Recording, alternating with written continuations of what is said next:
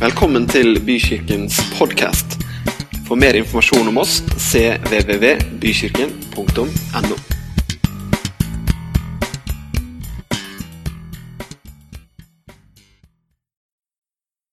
Er du klar for Guds ord? Er du helt sikker på at du er klar for Guds ord?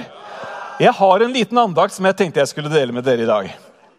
Og Vi skal lese sammen en historie som eh, noen har hørt før, og som andre ikke har hørt før. En ganske spesiell historie. og Vi leser den, sam, eh, leser den Du får den på veggen her. Og Det handler om en dame som eh, har opplevd en krise. Som er i en veldig krevende situasjon i livet, og så handler det om hvordan, hvordan det løser seg. En kvinne som var gift med en av profetdisiplene, ropte en dag til Elisha. Elisha, etterfølgeren til Elia. Husker det? Elisha hadde vært disippelen til Elia, og når han fikk kappen til Elia, så var han så frimodig at han ba Gud om en dobbel del. Så det, Dette er Elia. Men var, han hadde også disipler, og det var en av de som døde. Og Hun som hadde vært gift med han, hun ropte til Elisha, 'Mannen min er død, og du vet at han hadde stor respekt for Herren.' Nå kommer pengeutlåneren for å ta de to sønnene mine som slaver. Da sa Elisha til henne, 'Hva kan jeg gjøre for deg?' 'Si meg, hva har du i huset?' Hun sa, 'Jeg har bare en krukke med olje i huset.' Da sa han, 'Gå og lån tomme krukker og kar fra hele nabolaget.' Du må samle så mange som du kan få tak i. Når du har kommet inn, skal du ta sønnene dine med deg inn og stenge døren etter dere. Så skal du helle oljen du har, i alle disse karene, krukkene og karene. Sett de fulle karene til side etter hvert. Hun gjorde som Elisha hadde sagt. Hun samlet krukker og kar og stengte døren etter seg. Og så begynte hun å helle olje i karene. Sønnene hjalp henne. Til slutt var det ikke flere tomme kar, og da, og, og da sluttet oljen å renne. Deretter, deretter fortalte hun dette til denne gudsmannen Elisa, og han sa, 'Gå og selg oljen og betal gjelden din.' 'Du og sønnene dine skal leve av det som blir til overs.'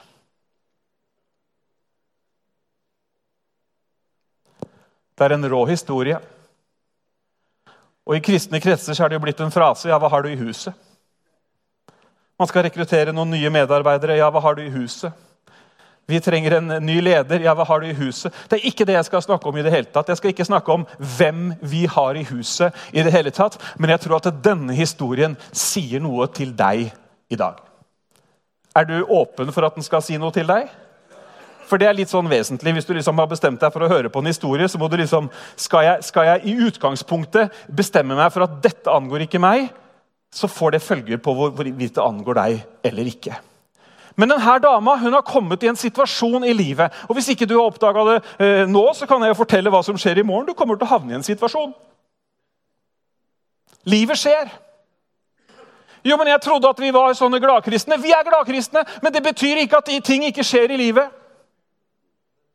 Det kunne vi, Mange her kunne skrevet bøker om det. Ting skjer i livet. Og denne her dama hun har faktisk mista mannen sin.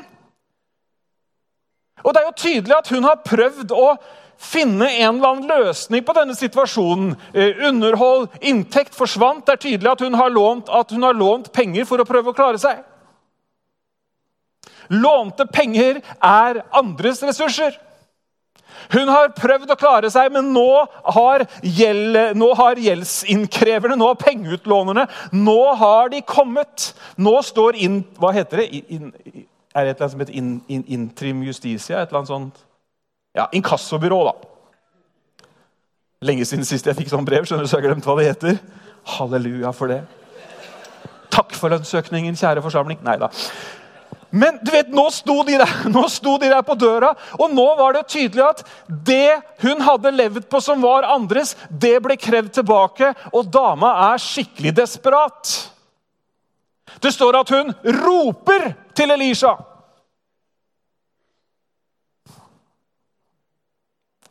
Det er ikke sånn du Har dere samla inn litt ekstra på den profetskolen nå, Elisha? Hadde det vært mulig å, mulig å fått bitte litt, kanskje? Nei, hun roper til Elisha. 'Mannen min er død!' Og du vet at han hadde stor respekt for Herren. Og hør her, hun er altså så ærlig med situasjonen som det kan få vært. Hun prøver ikke å dekke over. Hun tar ikke den norske blyge versjonen. Og ja, nå har det seg jo slik at det er litt trangt for tiden. Nei, det er det har nådd grensen. De kommer, og, og, disse pengeutlånerne de kunne faktisk med loven i hånd på den tiden, så kunne de faktisk ta sønnene hennes og gjøre de om til slaver. Kapitalisere hennes egne barn. Jeg ser for meg det huset. De har sikkert tatt alt annet allerede. 60-tommeren er gått. Den gikk forrige uke. Det er helt tomt. Helt tomt. Og de var, jo, de, var peng, de var jo, mennesker, disse pengeutlånerne også. Så de var nok det, siste, det var nok siste steg de gikk til. Men så sier Elisha til henne, 'Hva kan jeg gjøre for deg?' Hvem er det Elisha representerer i denne historien? Han er profet. Han er gudsmannen. Han er Guds representant. Han er på mange måter den, det fysiske uttrykket denne dama har av Gud. Det er det nærmeste hun kan komme kongen. Ikke sant?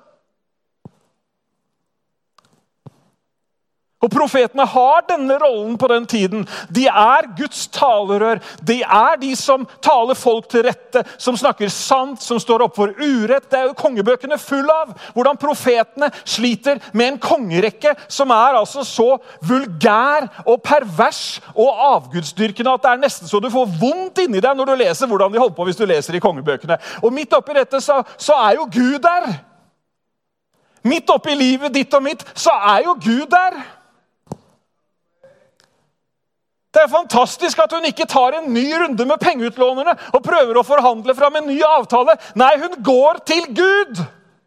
Hun går til han som snakker for Gud, han som svarer for Gud, og sier 'Nå er det slutt'. Det vil si, hun tror det er slutt. Og så vil jeg at du skal legge merke til holdningen til profeten. Holdningen til gudsmannen. Det er Guds holdning mot ethvert menneske som føler at nå er grensen nådd. Dette vet jeg ikke hvordan jeg skal fikse. Hva kan jeg gjøre for deg? Det er nesten så jeg ser nåden i øynene på Elisha. Gjør du det òg? Ikke klar deg selv. Hva kan jeg gjøre for deg?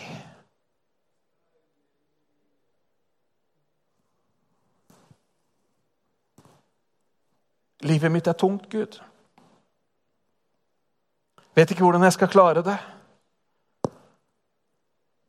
Hva kan jeg gjøre for deg? Jeg klarer ikke, jeg orker ikke, jeg vet ikke hvordan. Altså, Lista kunne vært lang. Hva kan jeg gjøre for deg?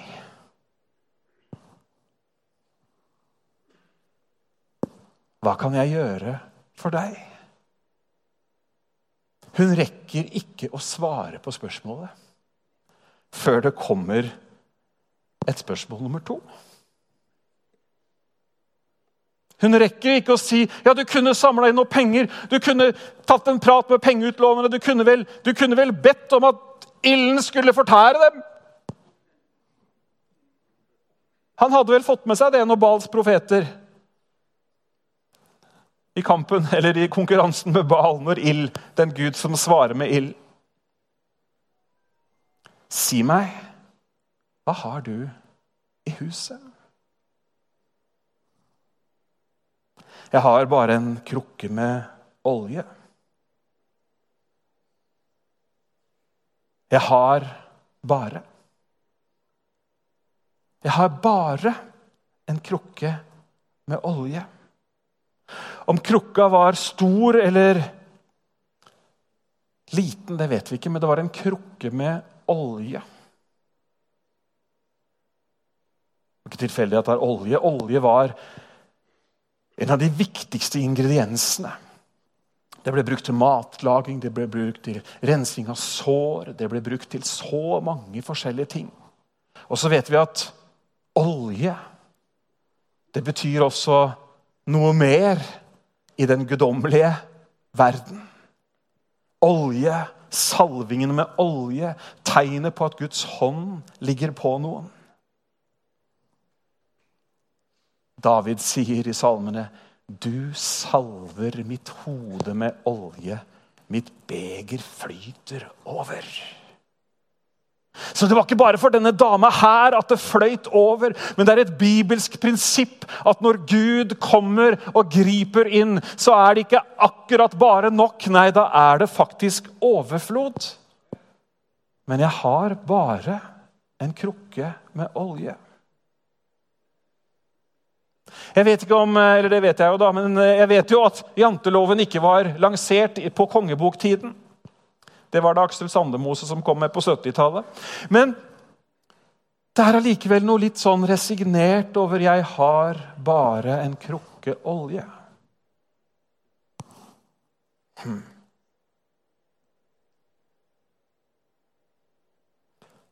Gud svarer oss når vi kommer til ham. Rop til meg, står det i Bibelen. Rop til meg, så vil jeg svare deg. Jeg vil forkynne deg store og ufattelige ting, ting du ikke kunne ane.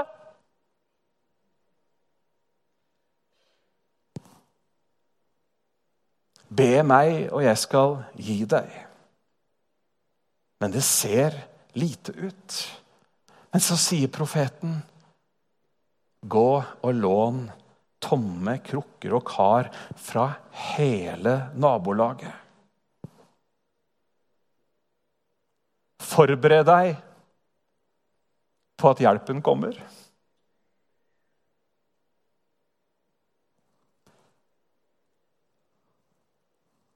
Slipp forventningen løs.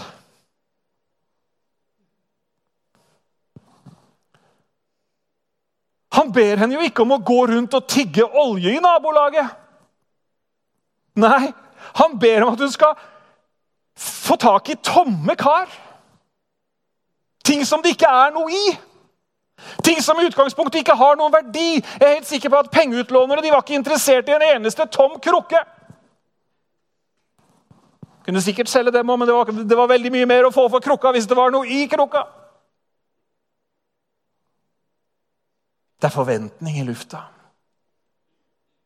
Det er jo tross alt gudsmannen som ber henne om å gjøre dette. Det var ikke et velmenende råd fra en eller annen finansrådgiver. Nei, det er jo Gud, det er jo profeten, som har et ord inn i situasjonen. Og profeten sier, 'Skaff tomme kar så mange som du kan. Spør alle naboene dine.' Unnskyld, har du et kar? I vår dag hadde vi vel eh, gått til de vi visste hadde flest tuppevareboller. Vi har en god del, faktisk, vi òg. Hvis noen vil ha. Jeg liker ikke sånn plastgreier. Jeg, er det flere enn meg? Helt umulig å ha orden på de der boksene. Kan man ikke ha én type boks og én type lokk, og så ferdig med det? Nei da, det er så mye forskjell på det lokket og det lokket. Ja, ja. De hadde ikke sånne frustrasjoner da. Men det var krukker og kar i alle, alle, mulige greier. Og jeg ser for meg For du vet, som nabo nå skal ikke du trenge å bekjenne noe, men som nabo så letter vi jo litt på gardinen, og så har vi en liten følelse med hva som skjer når naboen har fått seg ny bil eller monterer det eller det ene eller det andre. Og det er klart at Disse folka de hadde jo helt sikkert fulgt med på denne her dama da, som hadde attpåtil vært gift med en predikant. Da er du kategorisert per definisjon. Det var som han som spurte meg på dugnaden i barnehagen. 'Hva driver du med, da?' 'Hva jobber du med?' 'Jeg er pastor', sa jeg. Så jeg tok hun to skritt tilbake og så målte meg opp og ned så sa han, 'Steike, jeg har aldri sett en pastor før', jeg. Så du kan si hun var, hun var jo liksom litt allerede litt sånn uh, ute av normalen. Og nå, vet du, denne dama, som for øvrig han, han predikanten han var ikke mye tak i, han døde jo. Unnskyld meg, men altså han klarer, ja. Og nå går og banker på dørene og spør er det mulig å få en krukke eller to, tro. Har du noe tomt? Ja da. Han kunne kanskje spurt om litt mel da, eller litt korn. Vi har jo også sett at uh, inkassomannen stadig dukker opp. Nei da, tomme krukker. Men du skjønner at Gud han vet hvordan vi som mennesker tenker. Så han vet at presset fra de rundt er såpass stort at du må huske at når du har henta de krukkene, så må du huske å gjøre hva da? Lukke døra, ja. Få bedreviterne på litt avstand. Lukk døra fra ekkokammeret på Facebook. Altså, Steng, steng analytikerne litt ute, for nå er Gud på ferde her. Altså, Ikke, ikke forhør deg med altså, og det, det, kan jo hende at hun ikke tenkte på det hele tatt, men, men, det er jo fristende vet du, når du har behov, når det er en krise, at du henter råd fra alle mulige plasser. Er det ikke sånn, da? I hvert fall er jeg litt sånn. Jeg vil jo gjerne liksom forsikre meg om at det jeg liksom har tenkt å kjøpe, eller finne en god løsning. ikke sant? Men det er, det er ikke alltid Google har et godt svar. ass. Kan hende kona er bedre, faktisk. Det var én kone som lo. To var det som lo. ja. Men det er noe som skjer her, og jeg kommer til, jeg kommer til poenget. For de, de, blir bedt om å stenge døra bak seg. Og idet de stenger døren fra alle de andre sine stemmer Jeg er helt sikker på at sto, alle sto på terrassen den dagen og kikka. Én dame og, og, sønner i skytteltrafikk med krukker. Etter at inkassofyren har vært der. Nå har det rabla. Ja, men tror du ikke det, da? Si meg, hva har du i huset? Jeg har bare en liten krukke. Du, finn flere krukker. La denne forventningen til at Gud kan gjøre noe, få plass. Skap rommet hvor hans herlighet kan forfylles inn. Og så går de i gang, vet du. Og de tømmer. Og de tømmer. Og det er tydelig at det er så mange krukker. For de, har, de, organiserer det til og med. De setter de fulle krukkene til side for å finne fram flere tomme krukker. Og Kristus fyller all deres trang i herlighet. Amen. Han kommer og fyller. Men hva er det denne dama gjør? Hva har disse krukkene med meg å gjøre? Det har dette med deg å gjøre at når vi har et behov, når vi trenger hjelp fra Gud, så tror jeg, kjære deg og meg, jeg tror at å lage plass sånn at Gud kan komme inn og fylle behovet, det er viktig. Jeg tror forventningen om at han skal gjøre det, er viktig. Hun hører ord fra Gud. Hun hører ord fra, fra, profeten. Hun får beskjed. Og vet du hva? Vi får beskjed. Vi får beskjed om hvordan vi skal prioritere. Vi får beskjed om hva som er rett og hva som er galt. Hele Guds ord er nyttig til overbevisning. Amen. 1. Tim 3,15. Til rettledning, til opplæring i rettferdighet. Så du vet, det finnes Guds ord tilgjengelig. Guds hjelp er tilgjengelig, folkens. Og Ofte så gjør vi sånn som denne dama gjør, og det er veldig menneskelig. så du skal ikke kjenne et snev av fordømmelse. Men hva er det vi ofte gjør? Jo, vi går til pengeutlåneren for å prøve å finne en løsning som ikke er varig på problemet. Tror dere at hvis hun hadde kommet tidligere til Elisha at han, hun da hadde fått beskjed La oss si hun hadde kommet et halvt år før. Rett etter vet jeg ikke akkurat tidsramma her, men rett etter at mannen var død og økonomien begynte å skrante. Tror du at Gud hadde sagt ja, da er det bare å dukke opp borte på pengeutlånerens kontor der borte på bankplassen, og så blir det en løsning? Nei, Jeg, tror faktisk ikke det. Jeg tror bare at rekkefølgen på hvem vi spør om hjelp til å fylle våre behov, noen ganger blir helt feil. Det er ikke sjelden man snakker med folk som sier 'vi har prøvd alt'. Og så kommer Gud til slutt.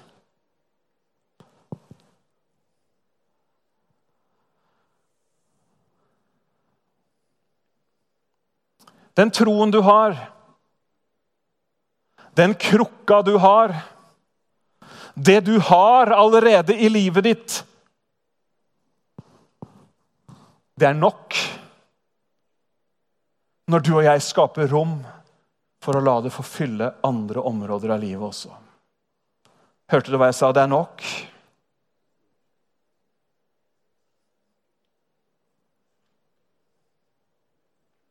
Noen ganger kan krukka liksom nesten symbolisere annenhver søndag i kirka eller en eller annen sånn høytidskristendom. Vi har jo akkurat feira påske, og jeg syns påske er kjempefint. og alt mulig. Det er, bare, det er bare at jeg har påske så mye hele året at jeg klarer ikke å legge inn de fire siste gira akkurat på dagene. Flere som kjenner seg inn i det? Jo da, jeg tar, jeg, tar, jeg tar, nok en runde og leser om oppstandelsen og, og kjenner at det bruser på innsiden osv. Men det er jo ikke ment å være noe som man tar fram i ny og ne, og som, som, gjør at vi liksom skal, så vidt eh, klarer å holde tingene i gang. Nei, vet du hva? Gud han vil fylle ethvert behov som du har, med sin herlighet, med sitt nærvær, med sin legedom. Amen. Hva har du i huset? Si meg, hva har du i huset? Jo, jeg har en liten krukke.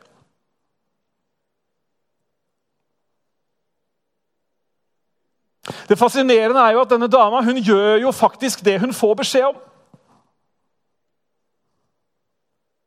Hun gjør faktisk det Gud sier. Er ikke det litt interessant? Hva er det som er resultatet av at hun er lydig mot det Gud sier? Jeg bare spør. Unnskyld hvis det ble litt for direkte. Bibelen sier, har dere, hørt, har dere, hørt, dere har sikkert hørt det, historien om, om, eh, om, kong Saul og, og, og, og profeten. Du, at lydighet er bedre enn offer. Hørt den? Ja. Saul vet du, han gjorde ikke som Gud sa. Han gjorde litt som Gud sa, og så tok han sin egen løsning. Og så konfronterte profeten han og sa du, du gjorde jo ikke akkurat sånn. Jo, jo, men jeg har jo spart noe av det beste. La oss liksom, la oss ha et søndagsmøte og ofre disse fine oksene. Sier profeten. Gud er mer interessert i lydighet framfor offer. Og hva er konsekvensen? Halleluja, hva er konsekvensen? Hva er konsekvensen for denne dama når hun faktisk gjør det som Gud sier, når hun tar det hun har, og når hun skaper rom for at han faktisk kan fylle hele bøtteballetten? Hva er konsekvensen? Det er jo lotto! Nei, men altså, hun, Gjelden er sletta, og hun har tydeligvis nok til å leve av. Jeg er Herren din forsørger. Jeg er Herren din lege. Jeg er Herren din seier. Han har nok, skjønner du. Er ikke det fantastisk, dere, at han har nok? At han har nok! Denne historien, denne, denne, denne, dama forteller oss om at det går faktisk an å skyve andre ting til side og skaffe det rommet, den plassen, den beholderen, om du vil, i ditt liv, i din kalender, sånn at Guds herlighet kan få fylle huset ditt. Amen.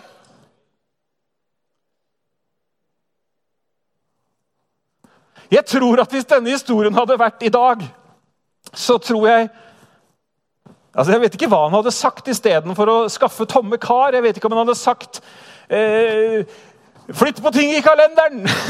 eller eh, reorganiser fritiden din! Eller, eller, Jeg vet ikke hva han hadde sagt, men han hadde på en eller annen måte sagt inn i 2023 at sørg for å ha noe, et sted, et ti, en tid, et rom, en beholder, hvor Gud kan komme med sin fylde.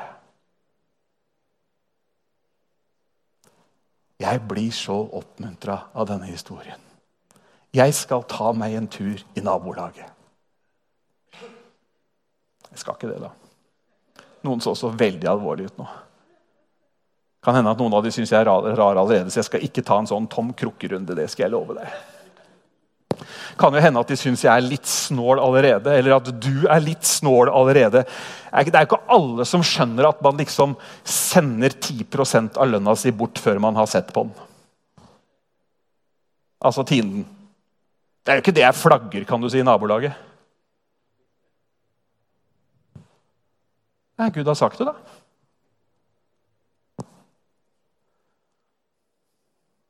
Kan jo hende noen, jo hende noen stusser litt når, du, når, de, når, de, ser at du, midt i karrieren, med, med den heteste CV-byggingen som, som, liksom du er, du er liksom close to the peak, så er det liksom slutt på CV, og jeg må bare vinne noen sjeler isteden. Ja, altså.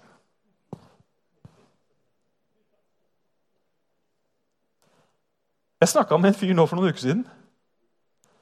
Han fortalte at hele avdelingen rista på hodet.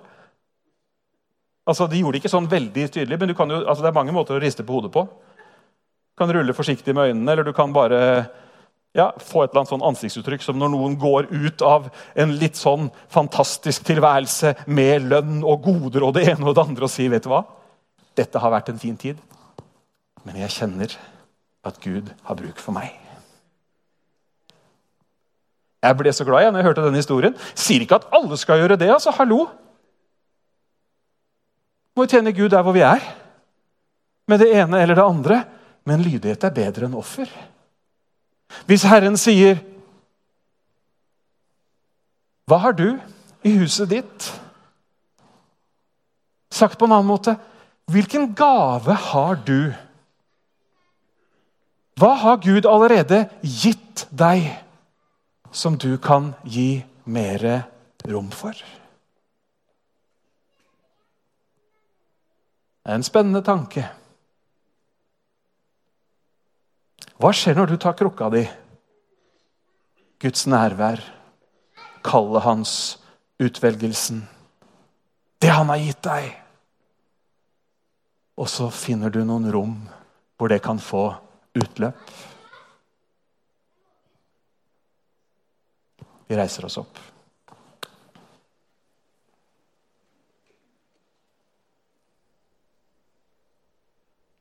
Gud vil fylle. Fylle med det som han har, som du trenger. Så skal min Gud, som er så rik på herlighet i Kristus Jesus, gi dere alt dere trenger. Et annet sted i Efesene så står det Ja, kjenne Guds kjærlighet som overgår all kunnskap, må dere bli fylt av hele Guds fylde. I Romerbrevet 15 så står det Men håpets Gud skal fylle dere med all glede og fred i troen, så dere kan ha overflod av håp ved Den hellige ånds kraft. Kjære deg som, eh, som er her, og du som også følger oss på skjermen. Gud, han vil fylle livene våre. Han vil fylle de tomme karene.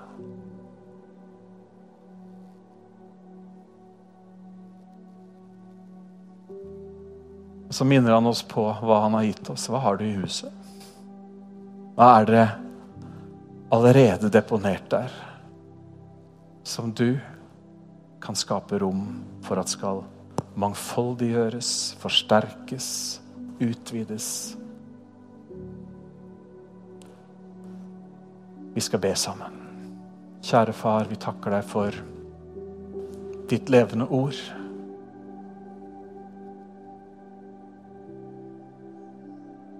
Så takker jeg for alt det du har gitt. Alt det som fins i alle de husene som er her.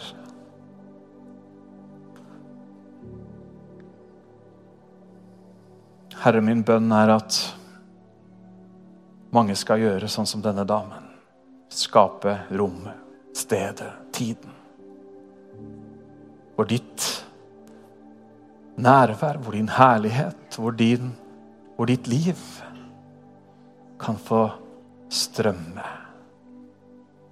Du sa at du er kommet for å gi oss liv og liv i overflod. Du har sagt i ditt ord at den som tror på meg, som Skriften har sagt, fra hans indre skal det flyte strømmer av levende vann. Herre, takk for sultne hjerter som åpner seg for deg. Takk for at du er her nå med ditt nærvær. Takk for at du fyller tomme kar med alt som godt er.